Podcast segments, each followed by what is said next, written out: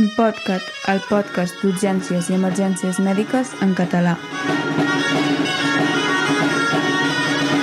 Benvingudes a un nou episodi de l'Empodcat. Aquest, si no ens descomptem, és el número 17, el cinquè de la segona temporada.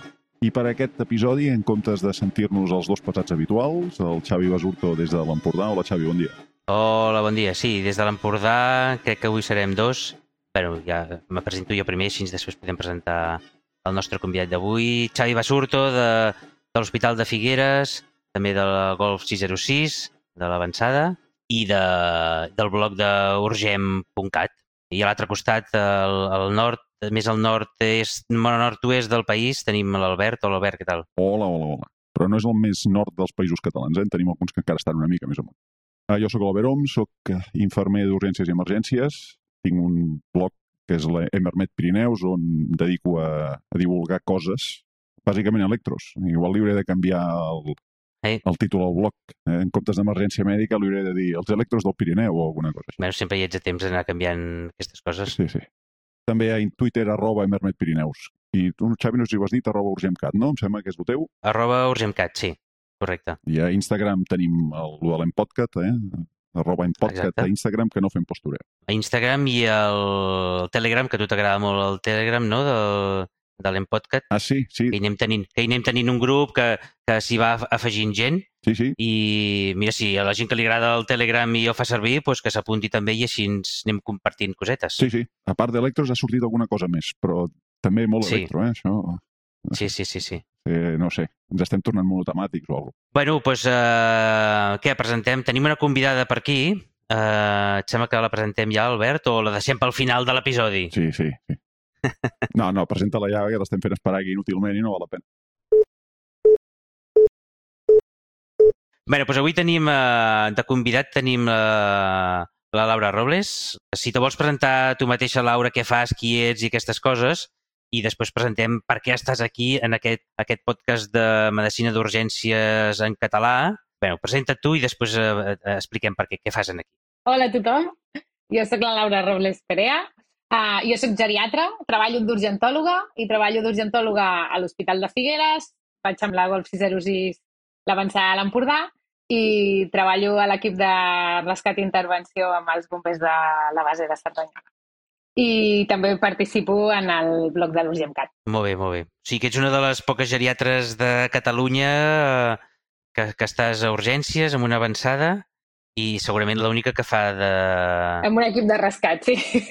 Com és, com és que t'has eh, t'hem contactat per parlar amb el podcast aquest del Empodcat? perquè a part de, de l'Urgemcat i tinc un altre projecte de divulgació científica, participo en un grup científic de la Societat Catalana d'Urgències i Emergències, de la SOCMUE, que es diu Geriurg. És un grup que vam fundar juntament amb altres dues companyes, que són la Dolors Garcia de Manresa Ah, i l'Anna Bena de, de l'Arnau de Vilanova, i ens dediquem a divulgar ciència sobre el pacient d'edat avançada en situació urgent i emergent.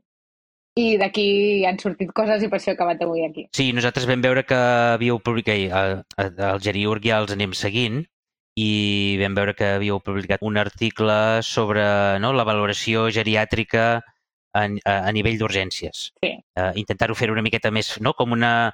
Havíeu creat com una eina per intentar fer més fàcil el que intentem fer a urgències amb, amb la gent gran, no? és intentar fer una, una foto de com, com estan, no? o com estaven, com estan, perquè això ens ajudi una miqueta també a saber el que poden, el que necessiten o el que els hi podem oferir, no?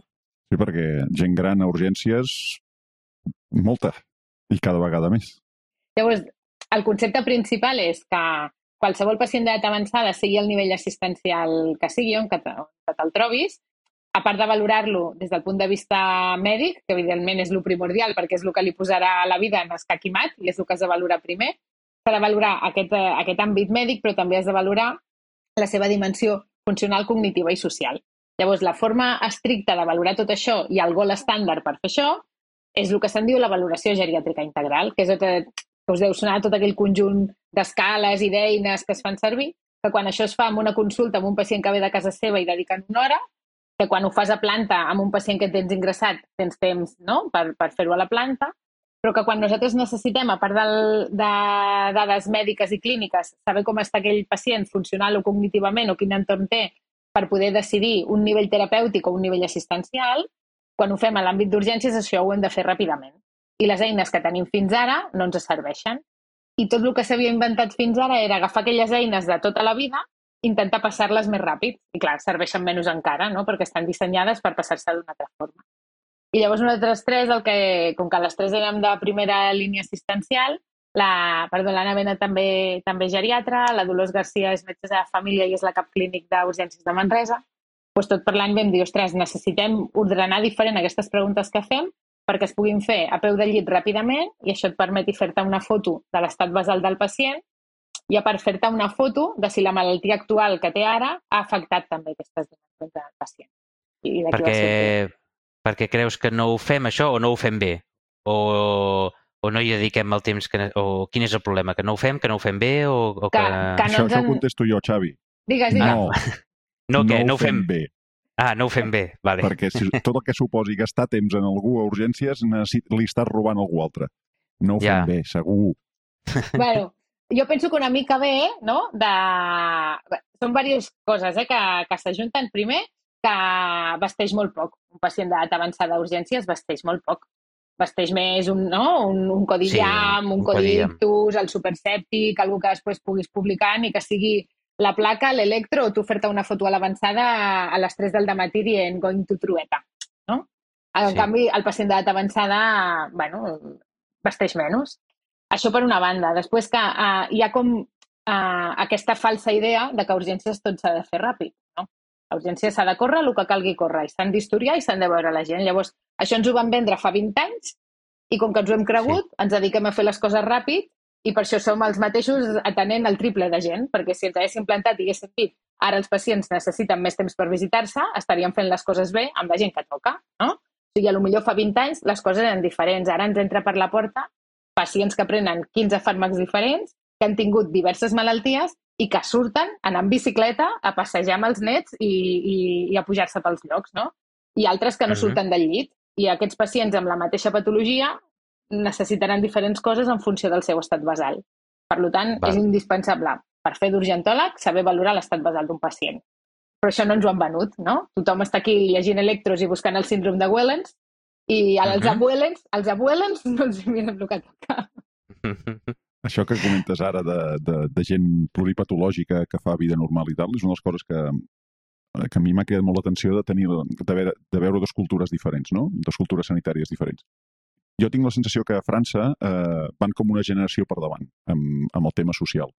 I mm. és francament sorprenent, doncs això, de gent a la muntanya amb 70 molts, alguns amb una salut excel·lent i d'altres mm, que fan por quan t'arriben amb la llista de medicació en paper, eh, i no res d'electrònic, eh, tot en paper, i comences a mirar i dius, o sigui, vostè estava anant en bicicleta pujant allà al Puigmal i em pren el sintrom, el, bueno, el sintrom, la, la comedina, els beta-blockers i no sé què. I dius, hòstia, potser no hauria d'haver sortit de casa vostè, no? que és un pensament que sí, tenim encara... Antiquat. De que la gent, quan està malalta, no pot sortir de casa. Dic, home, segurament és el contrari. Estan malalts i els tios intenten viure fins que peten. Clar, és que el, el, el concepte potser és diferent, perquè sí. uh, una cosa és que tu tinguis molts factors de risc que llavors te'ls controlen i una altra que tinguis moltes malalties. És a dir, a tu t'arriben els teus 65 anys, has fet vida sana tota la vida, eh, et jubiles aquella setmana i decideixes anar a conèixer el teu metge de capçalera que no havies conegut mai perquè t'has trobat bé. Entres per la porta, eh, el teu metge de capçalera et coneix, te fa la primera analítica, et mira l'atenció, et pesa i el mateix, i d'allà surts al cap de 15 dies, t'han dit que estàs gordo, no? que necessites fer dieta per això, que a més a més tens el sucre alt al matí quan et despertes, que tens la tensió que no va bé i que tens el colesterol que ets un quilòmicro en potes. I d'aquí ja surts amb cinc fàrmacs, no? Ja, te, ja tem... Però tu no tens cinc malalties. Tens diferents factors de risc que encara no t'han provocat cap malaltia i t'estem fent prevenció primària de tot això. I més te fan un electro i per casualitat et troben una FA i llavors te posen un anticoagulant. Però tu no tens cap malaltia, no has fet cap ictus, no t'has infartat, tu has arribat als 65 amb molta sort i molts factors de risc cardiovascular. I quan tu entres per la porta d'urgències, algú es mira la teva recepta i diu, fuà, tio, aquest senyor pren de tot, està fet caldo. No, no està fet caldo, estem al segle XXI, li hem trobat tot de coses i li donem medicació perquè no es quedi fet caldo. Aquest és el context. És diferent del que ja pren la torvastatina Sí, sí. perquè ja s'ha infartat, ja pren l'aspirina no? perquè ja ha fet lictus, ja pren l'aspirina perquè ja s'ha infartat i, i això, i del que ja va... No? Sí, sí. És molt diferent. I de tots els fàrmacs que després li donem que no serveixen per res i fàrmacs que serveixen per tractar els efectes secundaris dels fàrmacs que no serveixen per res. Mentre ens queixem de que prenen molts fàrmacs, venen per un mal de panxa, no ens hem mirat la recepta, no veiem que el mal de panxa és perquè has estrenat la metformina fa dues setmanes i a sobre se'n va d'alta amb la punyetera buscapina, que no serveix de res i potser li allarga el cotó o li fa tremolor. Toma ja, no? Ara, la culpa és del pacient, que ja té molts anys i molts fàrmacs acumulats, no? Potser és cosa nostra, no? Potser som nosaltres que hem d'estudiar més, no? I això creus que amb aquesta eina, que encara no ens has dit com es diu, o si té nom o cognom i aquestes coses, creus que amb això ens pot ajudar a, aju- a, a, a, a encarar-los millor, aquests pacients, o què? Sí, però abans d'explicar-vos l'eina, penso que per ficar-nos en situació, la idea principal, el, el concepte bàsic que hem de tenir qualsevol que treballa en un servei d'urgències és no tots els pacients d'edat avançada estan malalts, Mm -hmm. i no tots els pacients d'edat avançada estan deteriorats funcionalment i no tots tenen deteriorament cognitiu. Sí que és veritat que nosaltres, com que treballem en l'àmbit sanitari i, i a sobre en un servei d'urgències, la majoria de gent que ens ve a visitar es troba malament. I, evidentment, és més probable que es trobi malament gent d'edat avançada que gent més jove. Però això no vol dir que tota la gent que ens trobem d'edat avançada ja estigui espatllada. Vale? Seria com si tu fossis mestre, no? mestre d'educació especial o d'una classe de nens ultradifícils hipercinètics i et pensessis que tots els nens els hi costa estudiar. No, són els de la teva classe. Hi ha gent amb altres capacitats. Doncs pues això és el mateix. Vale? Per tant, Tenim una, tenim una visió una miqueta esbiaixada del que és la població real Sí. de més de, què sé, 70 anys o, clar, o el que no, o sigui. sigui, entres... Ara que A... has dit això de, de Digues. més de 70, és a dir, quan parlem d'edat avançada, això té número o estem parlant més d'una cosa conceptual? Ah, no hi ha un número que et defineixi l'edat avançada. Antigament, quan tot, de tot això es començava a parlar, es va posar com el 65 perquè era el moment en què et retiraves, no? Però això ja ha quedat totalment enrere, perquè ara la gent de 65 el que fa és retirar-se per començar a fer vida activa sana i fer coses fora de casa. I, i segons les estadístiques aquí al nostre país, encara et queden per endavant aproximadament uns 20 anys de vida. No estàs a final de la Mhm. vida. Uh, sí que és veritat que a edat avançada no, no hi ha un número, eh? però ara ha sortit el, la, el Old Old El- Elderly, o sigui, els vells molt vells, que aquests ja fan estudis i aquests ja són els que ja passen de 90, ja fins i tot dins de, dels pacients d'edat avançada ja s'estudien com un grup diferent, aquests que ja passen dels 90. Però no hi ha una nota de tall, perquè tu pots haver-te infartat als 40 perquè fumaves i només jugaves a la Play i arribes als 60 fet un estropajo vileda. I en canvi, eh, no? I, i, i et, et cansaràs quan camines, portaràs molts fàrmacs, dormiràs amb tres coixins, i en canvi, potser ets un pagès de tota la vida aquí de l'Empordà que als 85 encara condueix el tractor. Aquests ultra old són aquests que són super sants, no? que no prenen medicaments i, i no han anat mai al metge i per això són Sí. super ultra olds perquè no han tocat mai els Clar. serveis sanitaris. Clar, és, és, és, és el que Potser jo li dic. tocat perquè no els hi cabia. Sí, Clar, sí, no, no, bueno, clar. Sí, sí, Clar, sí. és el que jo li dic al, al Restis, no? Ostres, si té 90 anys, molt malament no deu estar-hi, perquè ha arribat als 90. Aquest segur que no li van posar una estena a la DEA quan en tenia 50, perquè sí. això ja en fa molts anys. Sí, sí, sí. Vale, vale. Vale. Llavors, l'eina. Llavors, el, una cosa és a l'estat basal en què es troba un quan es troba normal, no? com estàs funcionalment, no? el que ets capaç de fer, si surts de casa, si no, si et mous, com estàs cognitivament, no? si estàs bé de memòria, si no, si t'enteres del que es per la casa, si pots seguir una conversa, i quin és el teu entorn habitual, no? Si tu en, en estat habitual tens una cuidadora o vius sol, els fills et porten un tàper al migdia per deixar-te el sopar fet, ¿vale? això és el teu estat basal. Què és el que hem de valorar? Quan tu entres per la porta d'urgències perquè et passa alguna cosa, nosaltres hem de saber fer-nos la idea mental de com estàs tu en estat habitual. És a dir, volem saber la teva foto del DNI. ¿vale? Uh -huh. Però, com que molt freqüentment els pacients d'edat avançada tinguin una patologia quan es presenten a urgències, es presenten, a lo millor no, no venen... Bàsicament és que el, el seu motiu de consulta moltes vegades no és un motiu clar de consulta, no és un símptoma. O, o és un conjunt de símptomes, o és allò del mareo malo, o el mal estat general, o... Sí. I moltes vegades el motiu de consulta és que venen perquè eh, ja no, bueno, han empitjorat en general, o sigui, han fet un deteriorament funcional o han fet un deteriorament cognitiu agut, o sigui, estan en delirium o estan més agitats o més somnolents de l'habitual. Pues per poder saber si això és agut en relació a la malaltia, ens fem aquesta foto del DNI, que dèiem abans, de com està ell en estat basal, i llavors hem de tenir una sèrie de preguntes que ens permetin saber si en els darrers dies, des de que el pacient està malalt, això ha empitjorat. La idea és que si t'arriba algú que la família t'explica que està fatal i que està enllitat, tu siguis capaç de donar-te'n si s'ha enllitat fa tres dies perquè es troba malament i ha acabat enllitat, o si el senyor porta enllitat des de Sant Joan i ara estem a Nadal.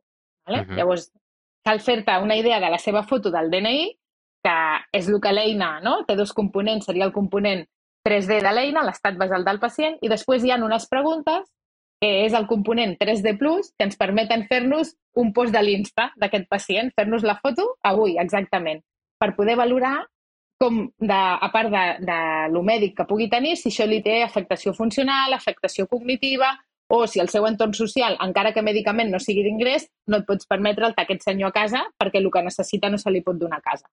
Val. Sí? O sigui, això que ens has dit tu ara és el nom de l'eina aquesta? 3D, 3D+. Plus. Molt bé. I en el, en el suposo, en el, la publicació aquesta de la revista espanyola de geriatria ja s'explica una miqueta en detall el sí, 3D, 3D Plus o no? Sí. El, el, o sigui, el, a la publicació el que hem fet és agafar el 3D, 3D Plus i, i per poder categoritzar-lo s'ha aplicat específicament a les urgències de l'Hospital de Manresa i depenent de lo que es contestaven en aquestes preguntes, a, es col·locava el pacient en el nivell assistencial que millor li anava dels nivells assistencials que tenen en aquell hospital. Perquè l'altre problema amb la geriatria, o sigui, ja de base els pacients són molt heterogenis no? i és molt difícil a, mateixes edats es troben en diferents estats i, i, i la malaltia debuta de forma diferent a tots els pacients. Si això ja és heterogeni, ja ni t'explico lo heterogeni que és cada hospital que ha fet amb l'assistència al pacient de l'edat avançada. Hi ha unitats que, no? nosaltres al nostre hospital, o, o ingresses a urgències o ingresses aguts, o te'n vas a l'AUGA o, o al socio, punto. No?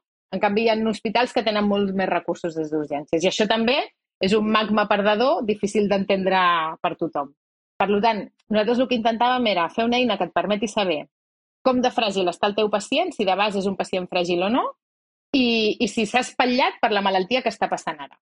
I si això, i, i aquest espatllament de base o agut que li està passant ara, t'ajuda, quan tu el descobreixes, t'ajuda a decidir el nivell terapèutic i el nivell assistencial on te posaràs aquest pacient. O sigui que per, per fer una avaluació geriàtrica que no seria integral, no? Seria avaluació genètica express o ràpida o el que sigui? Sí, sí és, in, és integral però amb menys fibra perquè passa més ràpid. Va. Ens recomanes que ens mirem aquesta eina sí, i sí. que intentem seguir-la una miqueta, no? Sí, a més, la, o sigui, eh, la definició principal és que l'eina el que intenta és detectar com de fràgil està el teu pacient. Llavors, Uh, la definició de fragilitat també és una mena d'entelèquia, no? El, mm. Bàsicament, un pacient està fràgil. Quan pensem en fragilitat, us heu d'imaginar un, un cotxe amb el dipòsit de gasolina, ¿vale? Mm. si el té molt ple o el té molt buit. Llavors, la fragilitat són les reserves biològiques que tu tens uh, per poder fer front a una noxa que et passi. O sigui, com despatllat estàs quan t'arriba la malaltia i quina capacitat tens de recuperar-te després d'aquesta malaltia hi ha vegades que et recuperes totalment i hi ha vegades que et recuperes però no com estaves abans. I això fa que amb el pas de la teva vida no, et, et puguis anar deteriorant i canvi el teu estat basal. Llavors, uh -huh. quan nosaltres vam dissenyar l'eina, vam dir, ostres, nosaltres necessitem fer unes preguntes que serveixin per fer-te una foto de com està el pacient i saber com s'ha espatllat amb la malaltia que té ara. ¿vale? I perquè fos mnemotècnica, com que el que sempre es diu que no et pots mirar els pacients d'edat avançada en una sola dimensió, que ha de ser com tridimensional, perquè a part del mèdic has de buscar el funcional, el cognitiu i el social. Va ser per això que es deia 3D. Llavors, en un inici vam dissenyar el 3D, però ens vam adonar que aquell 3D, les preguntes que us explicaré ara, només et serveixen per saber com està el pacient en estat basat. I llavors vam haver de decidir un segon component, que és el 3D+, per veure com li havia afectat la malaltia actual. Llavors, són set preguntes en total, el 3D, uh -huh. que és el, com la foto del DNI, uh, les Ds vol dir dependència funcional, deteriorament cognitiu o demència i domicili. I en aquestes el que fas és preguntar de forma somera i ràpidament sense passar cap escala. Vale, aquest senyor, no, per, per valorar el deteriorament funcional, aquest senyor habitualment surt, surt al carrer, es vesteix sol, fa vida tot sol, perfecte, doncs no està deteriorat, no? No, no, aquest senyor no surt al carrer perquè té escales, però per dins de casa es manega sol, vale? pues tu ja et fas la foto de com d'hàbil no? està el teu pacient. O no, no, la mare fa anys que viu enllitada, doncs ja està. És com el, ara no sé si es diu el Rancom, no?, del Codi IAM, que, que, que sí, mira allò... De l'ictus, no? Uh, sí, perdó, del Codi sí. no? Que si es sol dutxa no, sol, sí. es vesteix sol i tal, Sí. sí, sí, pot, Bueno, més és- o menys, eh? No? Deu ser això? Sí, sí, la idea és fer-te una foto de lo que és capaç de fer. No passes un bar, Sí, que sí. no li preguntes aquesta senyora quan va sola al lavabo es baixa soleta les calces i se les torna a pujar? No. És capaç d'anar sola al lavabo, es pot aixecar del sofà per anar al lavabo sola. Vull dir, són preguntes, no? És, és les preguntes que tu fas per fer-te la idea mental del senyor com es mou per. Vale. que jo penso que en un món, en un món ideal que no existeix, en base a aquestes tres preguntes, que suposo que amb l'avaluació aquesta geriàtrica entre gals són més, el, la persona i els seus familiars ja podrien començar a intuir quina mena de resposta sanitària s'ha de donar als problemes futurs. No? Si tens algú que ha estat molt, molt fràgil, plantejar que quan en, empitjori li farem segons què és una barbaritat, perquè curem molta gent, eh? però mal en fotem per avorrir. Eh?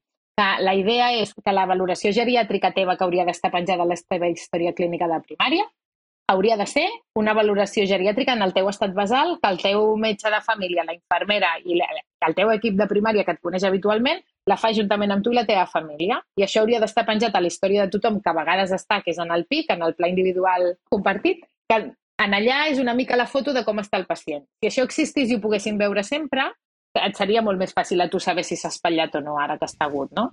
Però com que això no sempre existeix, fent aquestes tres preguntes, no? de dir, vale, funcionalment està deteriorat habitualment, però sobretot és molt important dir, no, no aquesta última setmana, perquè la gent no ve perquè es trobi... bueno, el que ve perquè s'ha aixecat al matí, no mou un braç, ja està, empitjorat ràpidament, no? Però el món és ple de gent, bueno, sobretot en, a rural, que ens passa molt a nosaltres, de dir, no, és que s'ofega fa tres dies i després parles amb el senyor i diu, bueno, és que jo no baixo a jugar la partida ja fa una setmana i mitja perquè em costava arribar al bar. Clar, fa tres dies que estic assentat al sofà de casa, però jo tinc un deteriorament funcional des de fa 10 dies. Pues que fa 21 jo caminava i anava, anava al bar a fer la partida. No? Uh -huh. Llavors, a l'hora de fer la pregunta és dir, quan es va començar vostè a trobar malament? O sigui, fa 15 dies aquest senyor estava com sempre o ja havia començat a canviar alguna cosa, no? No, no, està deteriorat, està enllitat des de fa 3 mesos. Perfecte, no és agut aquest deteriorament, no? Però quan, quan tu preguntes com està de basal, és important dir, vostè habitualment, abans de començar-se a trobar malament ara, fa dues setmanes, com estava vostè, no? Llavors això, doncs sortia al carrer, em vestia sol, anava al lavabo tot sol, ¿vale? Això respecte a la idea de deteriorament funcional.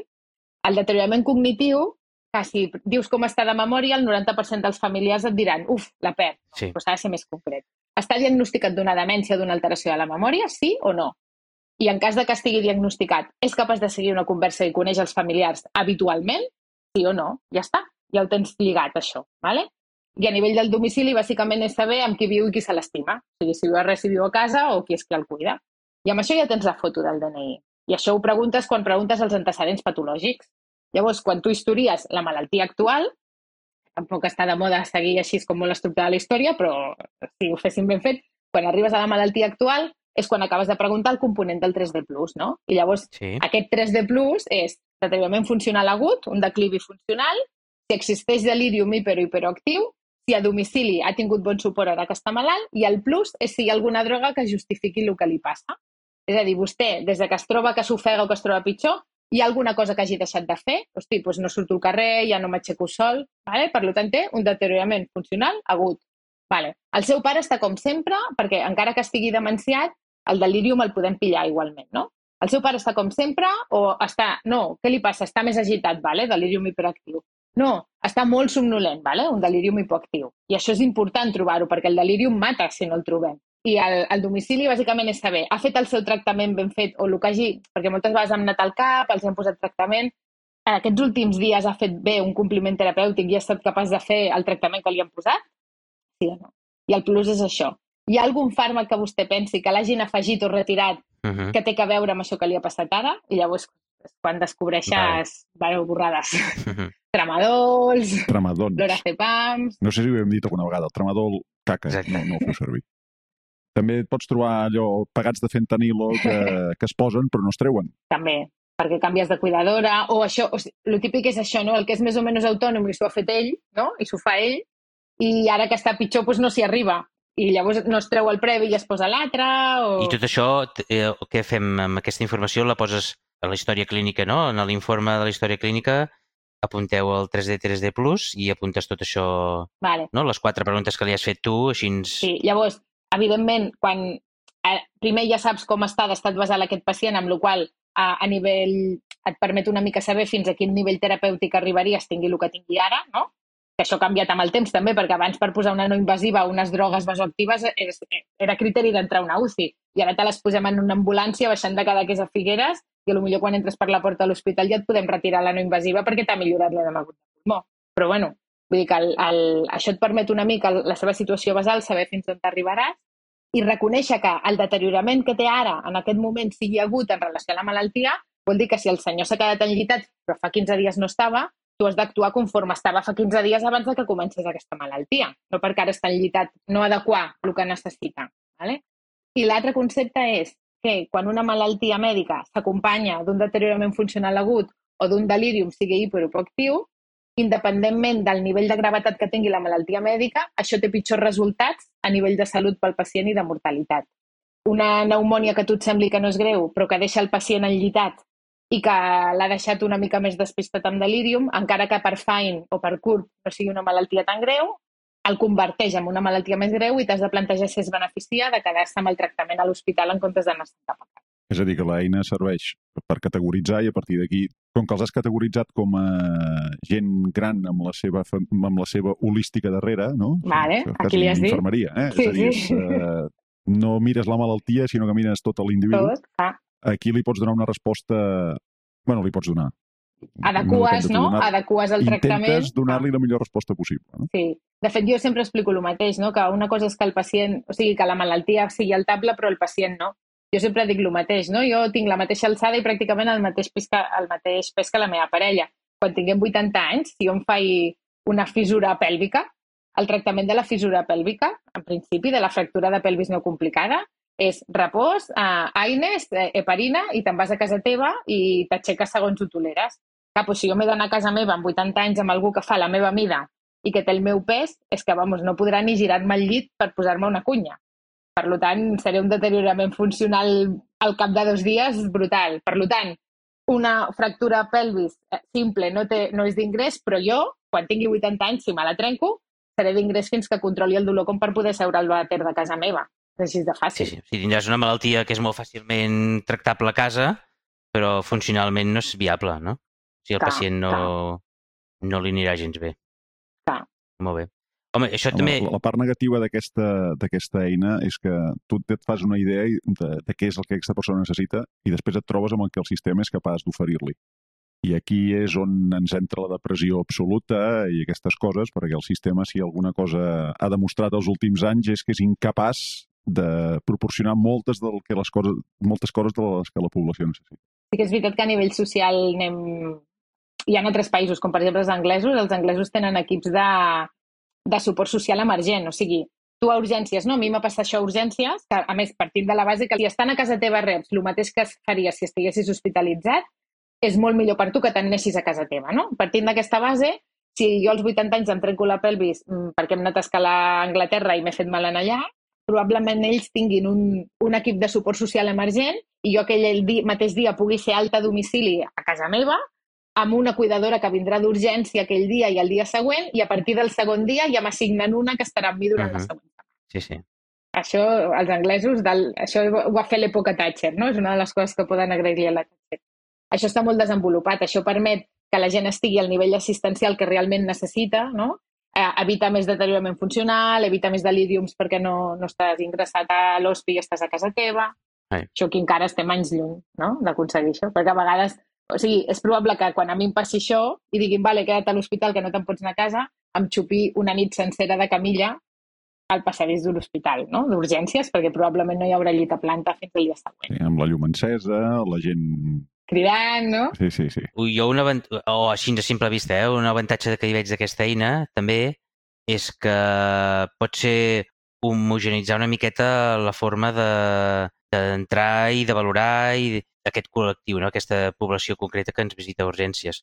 Vull dir que, que, si, que si això tots ho féssim més o menys, féssim no? com, el, com el Glasgow amb un TC, i així quan, no? si vas parlant amb diferents metges, diferents serveis i diferents nivells assistencials, tothom sap que estem parlant d'un pacient que sortia d'un Glasgow 13 i ara està 15 i no sé què. I pot fer una pel·lícula del com està el pacient. Doncs pues, millor amb això, no? que sí que a nivell de pacient ingressat i no sé què, sí que hi ha l'avaluació geriàtica integral que deu ser molt, no? estandarditzada i sistemàtica i no sé què, però a nivell d'urgència, si no hi és, doncs potser algú diu sí, està funcionalment bé, i potser no és el mateix que tu interpretes, no? Que si això ho pots llegir en tres línies i tothom fa servir aquelles tres línies, doncs, bueno, en, un, en un paràgraf de quatre o cinc línies d'un informe d'urgències, pues, si, no? si d'un hospital t'envien a un altre hospital i no sé què, pues, tothom es fa la mateixa pel·lícula de com està el malalt abans i com li ha afectat la malaltia actual, no? No sé, eh, per, per dir... Sí, jo, sí. sí, jo penso això, homogeneitzar les quatre preguntes que fem per fer la foto i l'altra, que tots ens quedi clar d'una vegada per l'altra, que si treballes a urgències no et pots menjar amb patates un deteriorament funcional o un delirium, perquè és de corquis. Seria tan gordo com menjar-te un ST. Sí. Perquè és així, perquè està demostrat, hi ha evidència científica que ho demostra des de fa més de 20 anys. Si no pot ser que per no acabar d'afinar a l'hora de fer una pregunta de com està aquell pacient habitualment, et mengis amb patates un senyor que fa 15 dies anava en bicicleta pel poble i des de fa una setmana està tancat a casa. I tu interpretis que està tancat a casa perquè és gran i s'ofega, Sí. que és normal. Saps? El concepte és aquest. O sigui, no et pots menjar un deteriorament funcional agut i no te'l pots menjar un delirium agut si ets un urgentòleg com Déu mana. Ara, ara se m'ha fet l'associació de, del, del pacient amb un delirium hipoactiu, que són aquests que tampoc, Sí. sí. millor venen més tard perquè tampoc eh, molesten específicament o concretament a la família o al cuidador i no sé Sí, què, i sí. diuen, sí, Sí, ja sí. fa una setmaneta que està així una miqueta somnolent i que no sé què, no sé quantos, això ho podria assimilar amb el que li agrada molt a l'Albert de, de l'oclusió eh, d'una artèria coronària que no aixeca l'ST, però ha una oclusió i el, el pacient eh, es morirà el, mio, el seu miocardi ell mateix perquè té una, té una oclusió coronària, però no li aixeca l'ST. Com que no li aixeca l'ST, ningú li crida l'atenció i excepte que si ets una miqueta no? si t'agrada el tema, doncs estudies altres formes eh, electrocardiogràfiques d'oclusió de la coronària que no aixequen l'ST, però igualment està tancada, no?, aquesta coronària. Doncs potser amb, els, no? amb els pacients ancians i vells pot passar el mateix, no? que hi ha formes, formes de Exactament deteriorament igual. cognitiu o funcional que no criden l'atenció i, clar, si no, les, si no vas a buscar-ho específicament, te les menges amb patates. De, de, de, fet, de fet, ja només Clar. el fet de, de aquest estar més adormit, estar més apagat, ja donar-li el nom de deliri, Sí, ja És crec això. que ja, ja és ens clau. marca. Sí, perquè si no, És és, bueno, jo adormit ho estic... Eh, oita, quan surto de De- de treballar de, a estic molt Sí. adormit, eh? Però, clar, a, a les 24 hores no ho estic tant, sí, sí. no? Clar. Sí, el concepte, que m'agrada que parleu això, o sigui, l'altre és el concepte de delirium. No, se'ns, o sigui, no ens podem menjar un delirium a urgències, no? Un delirium és un canvi sobtat en el teu estat habitual. Per tant, com que la pregunta per esbrinar-ho és estar com sempre, serem capaços de veure'l tant si el pacient és un pacient que cognitivament està bé com si és un, un pacient amb una demència. Aquest pacient amb una demència està com sempre, hosti, no està tan adormit que fa dies que ens costa donar-li de menjar. Jolín, doncs això és un delirium hipoactiu. I en Xavi té raó, eh, amb el que deia, o sigui, el delirium hiperactiu és, és molt emergent. La família li crida de seguida l'atenció, que algú al·lucini o cridi o intenti fer-se mal o fer mal als altres, no? En canvi, si estem a 33 graus a fora, que els hi costa més de menjar, que tothom està més xafat, a l'hàbit apareix més adormit, doncs no ho interpretaràs que és un delirium, no? I a lo millor se t'ha quedat cec i el pobre home està acumulant benzodiazepines i té un delirium hipoactiu perquè el que porta és un viatge de l'orazepam que no s'aguanta perquè fa dies que no filtra com toca aquell, Uh -huh. aquell ronyo, no? Vull dir que el, el concepte aquest del deliri, sigui el del delirium, sigui hiperhipoactiu, és algo que també com urgentòlegs no se'ns ha de poder passar. Vull dir, perquè algú serà per les pastilles, però més d'una... No fa, no fa tant, no? Nosaltres n'hem pillat un parell de meningitis ara, a, Sí. en els darrers mesos a urgències, eh? Per fer això, per dir, ostres, aquest senyor perquè està en delirium hipoactiu, TAC normal, analítica normal, PL, pum, no? Meningitis vírica. Escolta'm, i de la recerca d'aquest temes, teniu pendents eh, o projectes de modificar, avançar o fer altres Oh, tant. coses amb aquest, amb aquest camp o ja ho Sí. doneu per... eh, per eh, No, no, no. D'aquí un any de d'aquí un any de què ens vindràs a parlar, Laura? Ens queda, ens queda. O sigui, quan... De lo mateix, però millor. És a dir, nosaltres, quan, quan vam crear l'eina, a l'hora de crear l'eina, uh, vam fer servir, més que un model purament sanitari, de que tu des, des, fa, no? dissenyes alguna fas un estudi, quan aquell estudi demostra que funciona, ho passes en marxa, ens vam anar més cap a la banda no? de, del disseny industrial. A disseny industrial, quan algú té una idea, el que fa és de seguida aquesta idea, és el que es diu fer un scrum. ¿vale? Tu tens una idea, la poses en marxa i abans de tenir-lo perfecte, comences a fer-lo anar per poder veure quines imperfeccions té això i anar-les millorant sobre la marxa. Perquè si tu t'esperes a tenir perfecte aquella cosa, quan tu el treus perfecte, hi ha una marca Uh -huh. que ja t'ha tret un de més perfecte dos mesos abans que tu acabessis, no? Llavors la idea és posar el teu producte a rolar per veure on falla i què pots millorar i anar-lo millorant sobre la marxa. I nosaltres vam fer això. Per tant, quan, quan vam començar a treballar l'eina només va sortir el component 3D. I dèiem, ostres, aquí falta alguna cosa, perquè això és la foto, però què passa després si el senyor està malalt? I a base de treballar sobre ensaio-error va sortir el 3D+. Llavors, amb aquest primer article que hem publicat ara, uh, uh, és, és un estudi que és, que és, retro, és un estudi de cohort retrospectiu que està fet a l'Hospital de Manresa. I ara el que ens fa falta és eh, validar-lo, no? fer la validació externa d'això i estar pendent al multicèntric.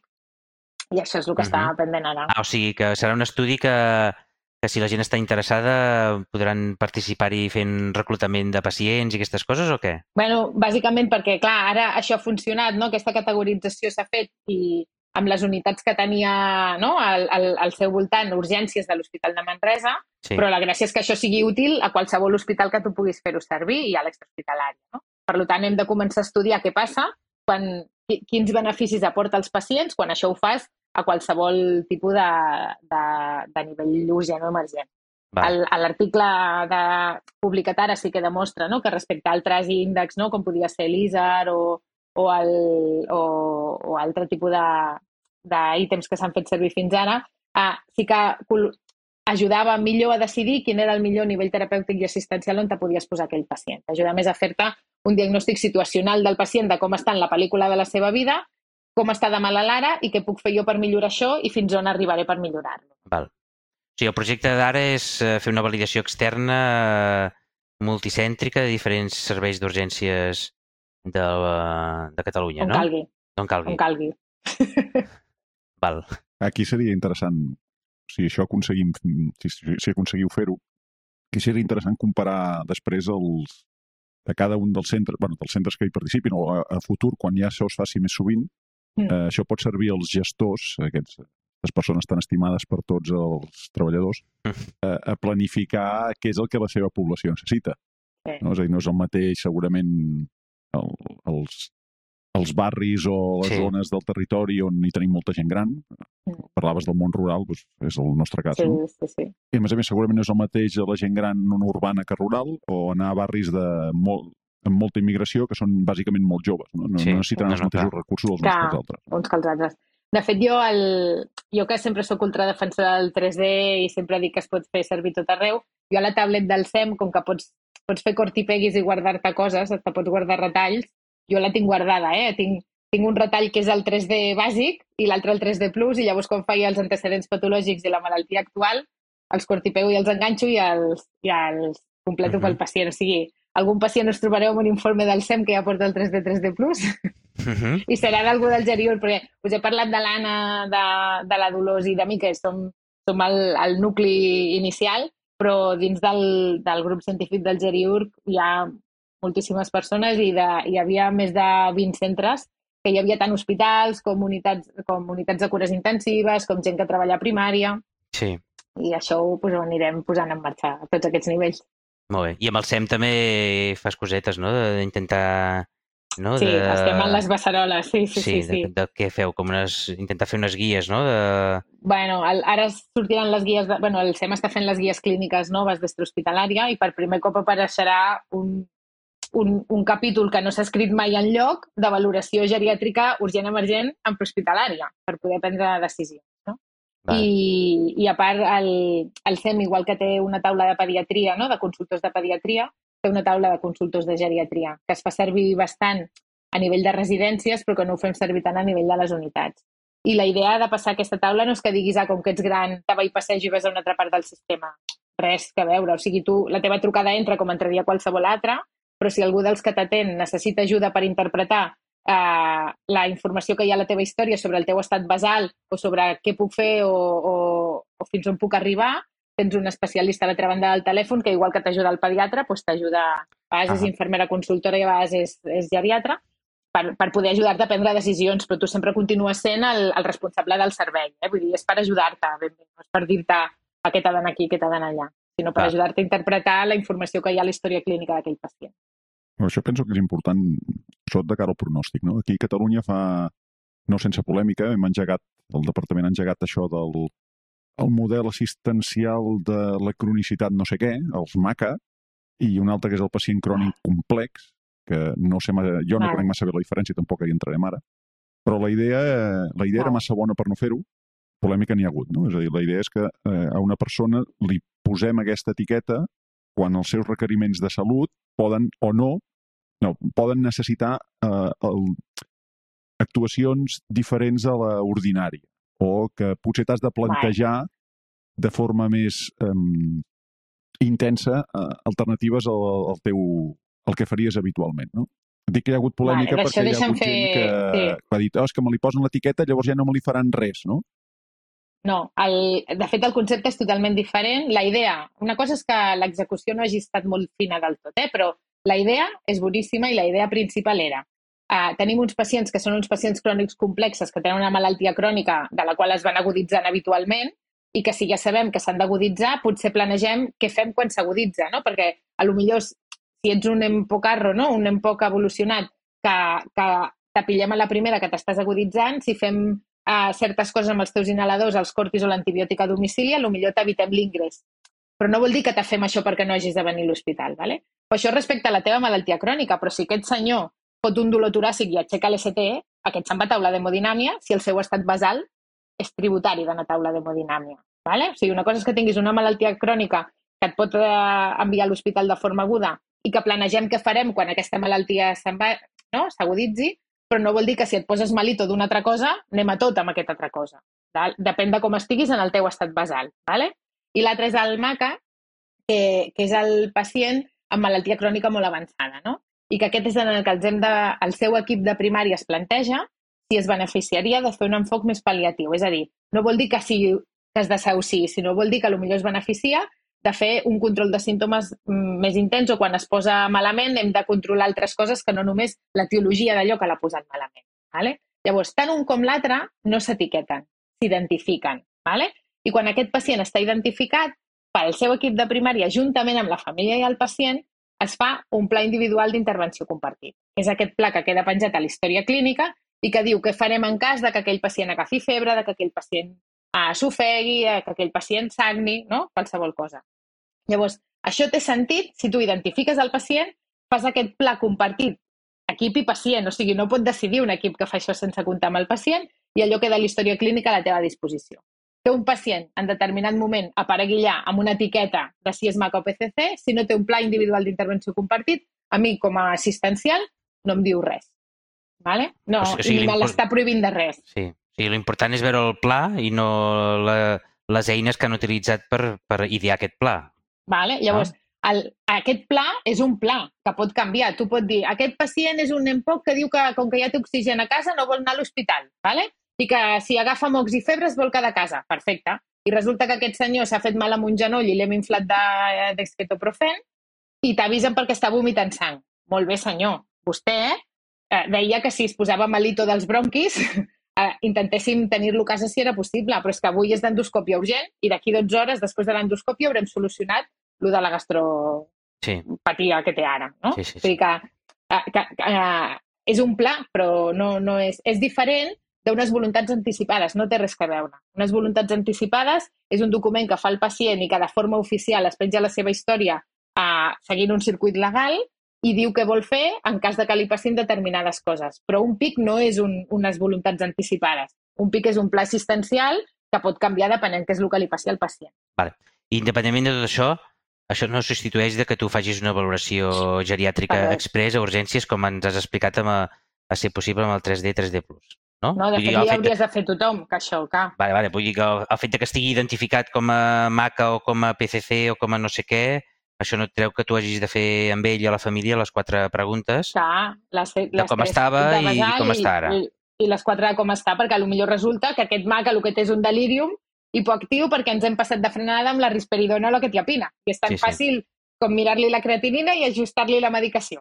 I si, I si em passa i pot menjar, anar-se'n a casa, i si està tan dormit que no pot menjar, doncs s'haurà de quedar amb nosaltres fins que filtri el ronyó el que li sobra. És així Val. de fàcil. Doncs, bé, jo diria per anar tancant, pujarem en el podcast eh, l'enllaç a l'article, per si la gent allà poden llegir sobre aquest tema, i on també es poden trobar? Teniu algun lloc més on te puguin la gent que estigui més interessada a, a aprofundir una miqueta més amb l'eina? Teniu alguna eina, alguna cosa a disposició? Sí, el, el Geriurg, bueno, el grup d'estudi de la cronicitat de Catalunya Central, que a la seva pàgina oficial, que si voleu també podem penjar l'enllaç quan pengeu el podcast, té, té un accés directe dins de les seves eines, parla del PCC, parla del MACA, parla del MECPAL, que és el que et serveix per decidir si algú és MACA o no ho és, i a penjada també el 3D 3D Plus, que eh, com a, com a eina per, per poder fer la valoració geriàtrica express. I allà està, està explicada més o menys com s'ha sí. de fer les preguntes i tot sí, això? Sí, sí, sí. És, és la xuleta amb les preguntes, és supervisual, és una infografia. Val. I, i al Geriur tenim, tenim Twitter. Teniu Twitter i allà, allà heu penjat bastantes coses sobre aquest tema, no? Que, que si segueixen el, la compte de Geriur al Twitter podran baixar algun document? El, alguna... Sí, anem, fent, anem penjant coses d'això, sí sí, sí, sí. Pues no sé, Albert, si, si quedava alguna cosa més, o tu, Laura, si sembla que, ens, que et falti explicar-te alguna, explicar-nos alguna cosa més. Jo podria, podria, us podria fer uns quants podcasts només d'això. Entre que el tema m'amola i que me deixeu parlar. No ho diguis molt fort, que ens agafem la paraula ràpid, eh? Bé, però anem-ho dosificant, Laura. No? Sí, sí, sí, que després la gent empatxa, que tots, totes les masses clar, piquen, no? Diem els catalans. Clar, clar, clar, clar. Hem de fer venir gent eh, diferents, no? diferents eh, subespecialitats o el que sigui, i que ens vagin donant visions d'urgències des de diferents punts de vista. Well, el proper no? haurà de ser alguna cosa I... més sexy, però realment s'ha de reconèixer que, que la gent gran és el nostre client principal. I no sí, pots sí. fer un producte sí, pensant sí, sí. en, en, en, en, en molt poca gent que te'l comprarà. Has de fer un sí, producte sí. pensant en, en la majoria de la gent que el necessitarà. I la gent gran són els nostres clients i, de fet, jo espero arribar gran. Espero que tots els oients també. Bueno, una de les raons que diuen que per això sí, sí. El, la gent gran no ens agrada és perquè primer no saps si hi arribaràs i que si hi arribes mai saps com arribaràs, no? Perquè tu et pots esforçar per fer una vida sana i tenir un delta baix a l'últim moment, no? I això és una de les causes. De fet, és, eh, és la tercera causa de discriminació. Hi ha la discriminació per sexe, hi ha a la discriminació per raça i la tercera causa de discriminació més freqüent és la discriminació per edat. En dieu ageisme, no? D'això no és ageisme? Ageisme. Sí. Molt bé, Laura. Doncs pues, què, te despedim ja? Sí, sí, sí, perquè si em doneu més corda això durarà, vamos. Val. Doncs, pues moltes gràcies, Laura. Eh, espero que d'aquí, quan publiquem això, pues, aviam que la gent, jo penso que els serà molt interessant i aviam si d'aquí un temps ens podem fer una altra, podem fer una altra entrevista i ens dius com va la següent fase del projecte del 3D 3D Plus, vale? Molt bé. I gràcies a vosaltres eh, per pensar en el 3D 3D Plus i donar-nos l'opció de poder explicar-lo. Molt bé. Vale. Vinga. Apa. Adéu. Adéu. Adéu. Molt bé, i després d'aquesta xerrada amb la Laura anem als urgent mots. Eh, què tens per avui, Xavi? Sí, uh, mira, Albert, uh, jo els últims dies havíem fet, uh, els últims episodis havíem repassat una miqueta uh, temes uh, d'anatomia humana, de com poder, poder definir millor en termes més els que prefereix el DEMCAT, el TERMCAT, sobre això, sobre anatomia humana, eh, perquè hi ha alguns, no? ho dèiem amb castellanismes o, o anglicismes, o, bueno, o, o, potser no ho escrivien bé i, i posàvem accents allà on no tocaven i vam repassar una miqueta durant dos o tres episodis els, els temes d'anatomia humana i ara me va semblar que també teníem en el, en el, en el diccionari d'Urgent Mot eh, diferents eh, termes que podríem dir-ne millor de símptomes i de signes. Val? I els he recollit una miqueta i, si us sembla, avui fem eh, els signes i un altre dia farem els símptomes. Val? eh, important, no? Això és el, al principi que no, vas a visitar el pacient i encara no saps ben bé què t'ha d'explicar i no sé què, doncs fas un anamnesis en el qual ell t'explicarà els seus eh, símptomes, no? eh, que són no? doncs les seves manifestacions subjectives que el pacient creu que, bueno, que subjectivament amb ell li molesten i que són, i que són eh, eh, suggereixen no? una possible malaltia eh, això són els símptomes. El que els mate les mateixes eh, anomalies que el pacient perce que percep però que nosaltres podem objectivar són els signes. Val? Si us sembla, com que en tinc menys de signes, doncs avui parlem dels signes i un altre dia farem els símptomes. Uh, per exemple, havia recollit el fremiment. Val? Uh, el, per exemple, el fremiment pericàrdic, no? el pacient que té una pericarditis, possiblement em deien un frèmit, no? que és el, o frec, que en, el, en anglès és el thrill, i en, i en castellà és el fremito, doncs en català és el fremiment. Els friquis amants de la ciència-ficció no té res a veure amb, la, amb Dune, eh? Ho sapigueu. No té res a veure amb què? Bé, això ja ho sabreu els que es dediqueu a això, no? Els que sou... Amb, amb què has dit que estava que ho podíeu associar, això? Amb Dune, Duna. Amb Dune. Ara és una pel·li que han... Val. Està, sembla que està a Netflix la nova versió, Ah, però és val. una novel·la de ciència-ficció molt antiga, molt bona, i hi ha uns... Sí? No faré spoilers, però n'hi ha uns que es diuen Fremen. Ah, val. Val, val. Val, val. Doncs aquest és el fremiment. Deu ser el, el, el, el cosí de, del frement. Un altre signe que podem veure quan explorem un pacient és l'ipema.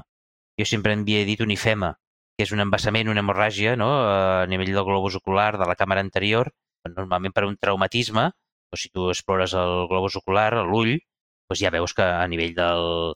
No? A darrere la còrnea, a la càmera anterior, veus un nivell hidroaeri i eh, allò és perquè és un hematoma, no? un embassament hemàtic. Sempre, jo sempre n'havia sentit a dir d'ifema, però correctament en català és un ipema.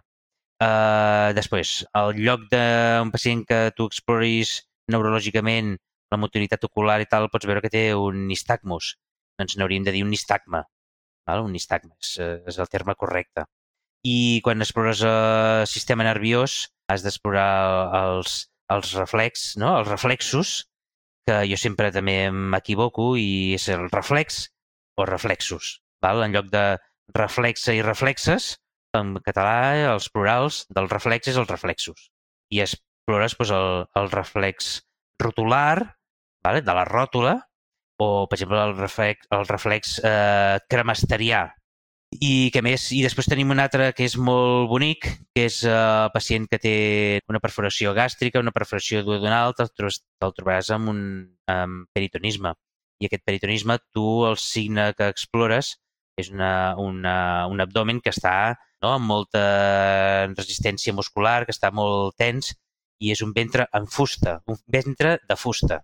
Vale? En lloc del ventre en taula, que ho podem dir-ho així de forma no, col·loquial entre nosaltres que estem allà treballant, però si ho has d'escriure en, un, en un informe, doncs, bueno, doncs eh, oficialment i de forma correcta, el ventre en taula és el ventre de fusta.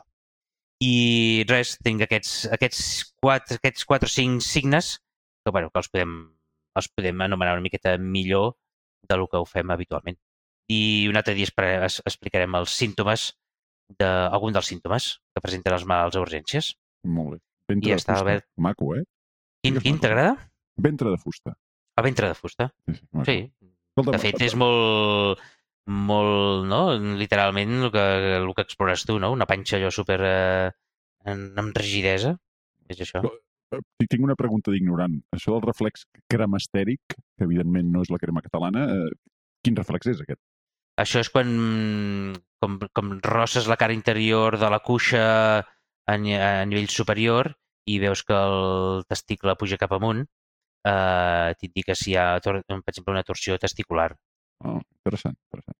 Sí. Molt bé. Doncs mira, jo, jo que tinc és una confessió. Eh?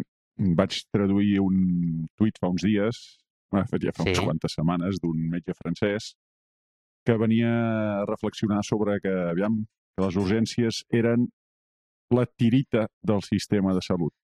Sí, Eh, I, és clar, tirita, sí. companys, no. Sí, eh, Pompeu Fabra, perdona'm, eh, no és Sí, és tirita, una- és tireta. la tireta. Reconec la meva culpa i faig acte de contricció o de constricció, com es digui, i prometo no tornar-ho a fer més.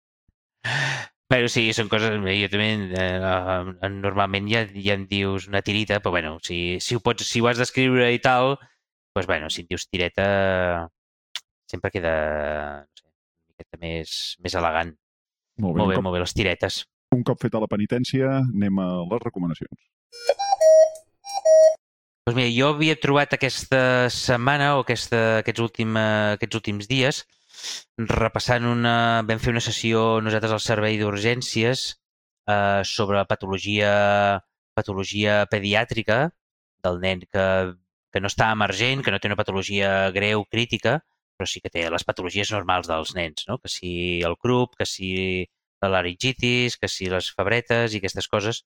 I una de les coses que en la sessió ens van explicar eh, va ser una eina, a la pàgina web on accedeixes, eh, que és una que se'n diu Tox Seup. Tox Seup. Eh, és una guia ràpida per, a, per al maneig de les intoxicacions farmacològiques a nivell pediàtric, a nivell dels nens. Val? A nivell dels nens que, pues, que per lo que sigui doncs, no sé, o s'han pres de forma accidental, voluntària, o el que sigui més dosis d'un determinat medicament que sigui seu o de l'àvia o de, o de qualsevol convivent de la, família, de la casa, doncs eh, bueno, tens aquesta eina que tu hi accedeixes a través de la pàgina, tenen una pàgina web que és el tocseup.org i en aquí és, un, és molt senzill, és un, és un simple buscador, que pot ser un buscador que pots, tu, tu escrius el nom del grup farmacològic, no? si és un, no sé, un benzodiazepines o eh, bloquejadors o el que sigui, o si saps el nom concret del medicament que s'ha pres el nen, doncs apuntes allà eh, l'Oracepam i ràpidament vas a, parar, vas a parar amb una fitxa que la pots consultar, la pots descarregar en PDF i que t'expliquen doncs, tot lo relacionat amb intoxicació aguda de tal medicament, eh, quins símptomes dona, quina, i quin, bueno, quina vida mitja pot tenir eh, i quin tractament, doncs, si és tractament de suport, si té antídot, eh, quines dosis s'ha de posar, què és el que has de fer, etc etc. I ho pots buscar així a través del buscador o hi ha un, un índex alfabètic i també doncs, la, la C de no sé què, la A, la B, la D, etc. I bueno, ens va semblar que era molt útil no? per això, no? per, pel típic nen que ve que s'ha pres algun medicament més del que li tocava, doncs és una guia ràpida que això ho ha treballat durant molt de temps la Societat Espanyola d'Urgències Pediàtriques, vale? eh, que això ve del SEUP, vale? i l'eina es diu ToxSeup, no? de toxicologia de la Societat Espanyola d'Urgències Pediàtriques. Mireu-la perquè és molt fàcil d'això de consultar i les fitxes de cada un dels medicaments és super fàcil de llegir, ràpid i penso que et poden ajudar molt no? de, de quins necessiten no? pues, fer eh, descontaminació, quina pots has de posar calants no? de, de, de, de, per evitar l'absorció intestinal i bueno, jo, jo ho, trobo, ho vam trobar bastant útil i recomanable. Per això volíem compartir-ho aquí en el podcast. Molt bé, molt interessant, eh? I ja està. No sé, Albert, si tenies, tens alguna recomanació per fer els que ens escolten o què? Doncs sí, mira, jo us vull recomanar un compte de Twitter que és arroba em-resus, és el compte de Twitter d'un metge d'un metge d'urgències americà, em sembla, el Sam Gali, que aquest home va publicant més o menys un cop per setmana, publica uns vídeos curts amb algun cas interessant realment s'aprèn molt amb aquests vídeos curts de dos minutets i així eh, són píndoles de coneixement molt curtes, molt concentrades, que van molt bé. Potser la part dolenta és que no tot és seu, però bueno, això, la vida és les coses són com són. No? I jo us el recomano, eh? hi ha hagut un parell o tres últimament de, descrivint eh, algunes plaques de tòrax que... Eh, detallets. Mira, si mires, si veus això tal, és interessant. Són dos minutets, és en anglès, i penso que val la pena i m'han donat algunes idees. Eh, igual Igual veiem alguna cosa d'això. I és, és en vídeo, eh? No és un, no és un àudio podcast.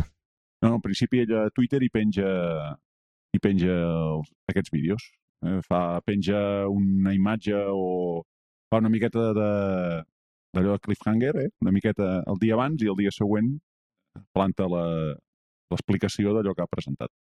Val. Ah, doncs ja no ho coneixia, eh? Aviam, ja miraré, aviam i, clar, a més, si és curtet i tal, deu ser fàcil de revisar, eh? Sí, gairebé diria que té, té temps de, de posar-ho amb això, que amb els vídeos aquests de l'Instagram que no poden tenir més de, no sé si són dos minuts, o els vídeos aquests del ah. TikTok. Eh, vídeos vale. curtets. això no de... se t'haurà passat pel cap ara que en podcast comencem a fer videoblogs també, o vídeo no sé què, eh? Jo no he dit res. Ah, vale, vale. que ja tenim prou feina, eh? Jo no he dit res. Vale, vale, jo t'aviso, jo t'aviso. Molt bé. Doncs bé, un cop fetes les recomanacions, crec que ja podem acabar aquí el nostre capítol 17. Recordar-vos que estem a totes les plataformes de podcast. Si en alguna no hi som, ens ho dieu, que li afegirem. De fet, ara ens han, no fa massa ens han afegit el llistat de podcast de la Fundació.cat. Eh? Gràcies, companys. També tenim aquest canal de Telegram que hem comentat a la presentació. És un canal de Telegram on ja som uns quants i anem compartint les nostres penes, eh, clínicament parlant.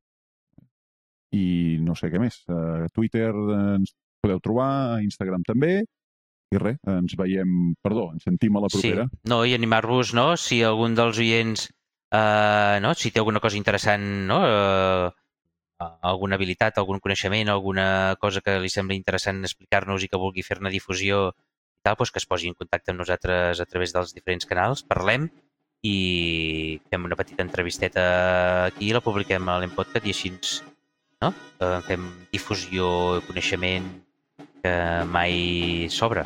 Exacte. Doncs res, doncs moltes gràcies a tothom. Vinga, fins la propera. Adéu. Adéu.